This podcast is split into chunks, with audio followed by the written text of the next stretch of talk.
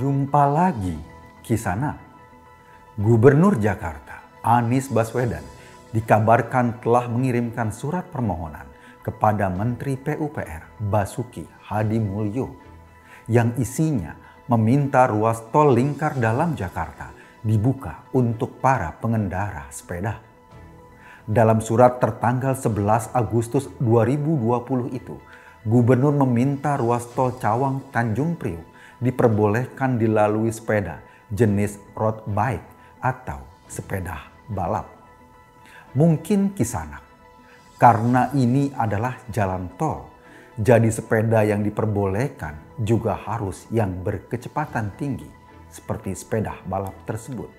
Bisa disimpulkan, usulan Pemda DKI tersebut bukan dimaksudkan untuk pengendara sepeda statis seperti di studio-studio gimnasium Kisah anak yang budiman. Tentu saja permintaan ini membuat iri pengguna kendaraan lain. Para pengendara becak, bajai, helicak maupun bemo berharap tidak didiskriminasi dengan kebijakan tersebut. Sementara itu kisanak, para pengguna skuter juga berharap diperbolehkan masuk jalan tol sambil melenggok dengan skuternya. Mirip pun saudara sepupu Tingki Wingki yang konyol itu. Kisana berpelukan. Berpelukan.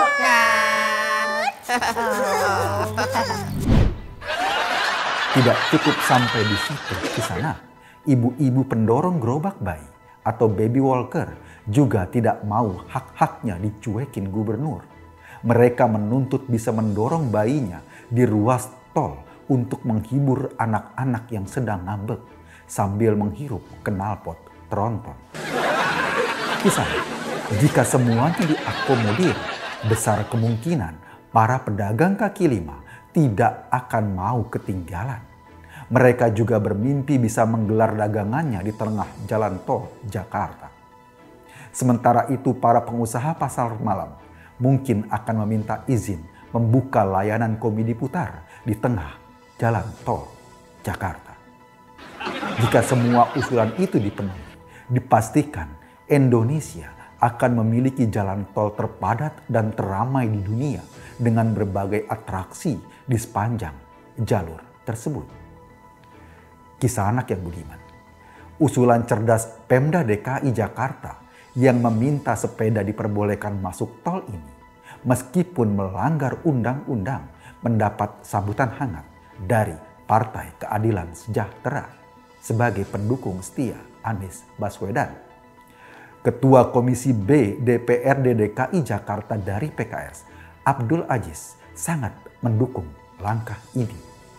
Sebagai partai yang berbasis agama, tentu saja PKS tidak sembarangan mendukung sebuah gagasan.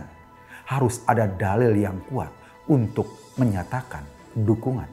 Kisah anak yang budiman Mungkin saja dukungan PKS itu disandarkan pada dalil yang akrab di telinga kita. Hubul Brompton minal iman. Kisah, jika dipikir-pikir, usulan agar sepeda masuk jalan tol ini memang sangat brilian. Apalagi sebelum usulan ini dibuat, Pemda DKI Jakarta sudah memasang peti-peti mati di berbagai sudut Jakarta. Bukan tidak mungkin kisana kedua program ini saling berhubungan. Menurut seorang pengamat yang tidak mau disebutkan nama, hanya mau dicirikan potongan rambutnya saja, yaitu potongan belah tengah mengatakan, jika usulan ini dipenuhi, maka bisa langsung terlihat kekuatan kerangka sepeda Brompton yang selama ini menjadi pujaan para goeser. Sebab menurut pengamat yang kerap membelah rambutnya dengan pisau lipat ini. Sebromton-bromtonnya sebuah sepeda akan remuk juga jika tersenggol truk tronton di jalan tol.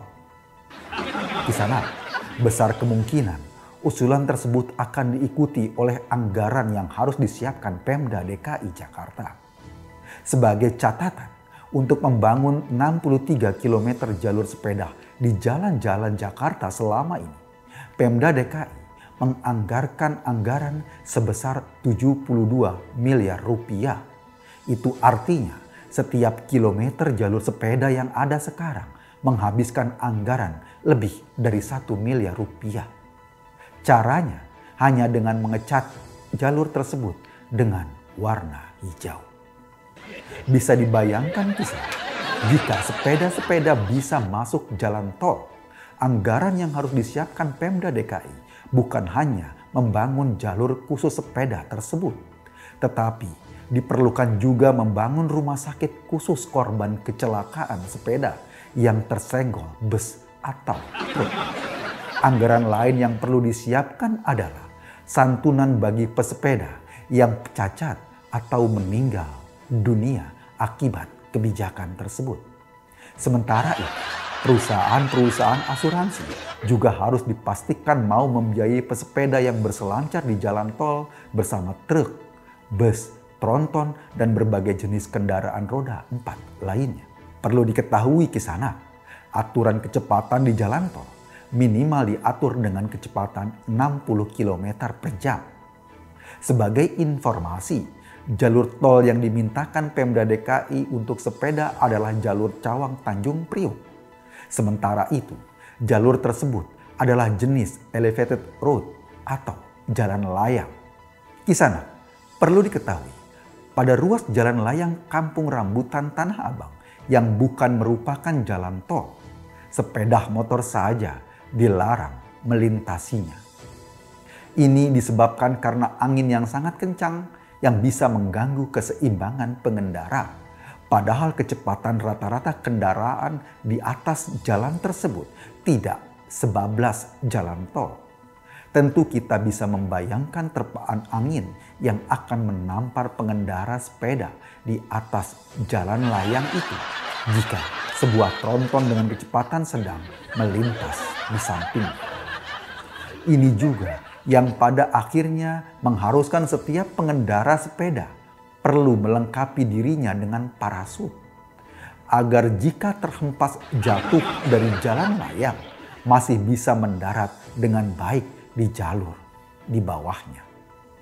Walhasil kisana mengetahui usulan brilian dari Gubernur DKI Jakarta ini, sebagai warga kita hanya bisa mengelus dada saja. Entah kisana dada siapa yang kali ini akan kita elus. Demikian berita kali ini kami sampaikan. Sebelum usulan Pemda DKI ini disetujui Menteri PUPR, kami menyampaikan rasa duka cita yang mendalam bagi para goeser di Jakarta. Semoga amal ibadahnya nanti diterima Tuhan yang Maha Esa. Kisana, Anda sedang berada di channel paling update seangkasa raya. Lemisan aja, Nis.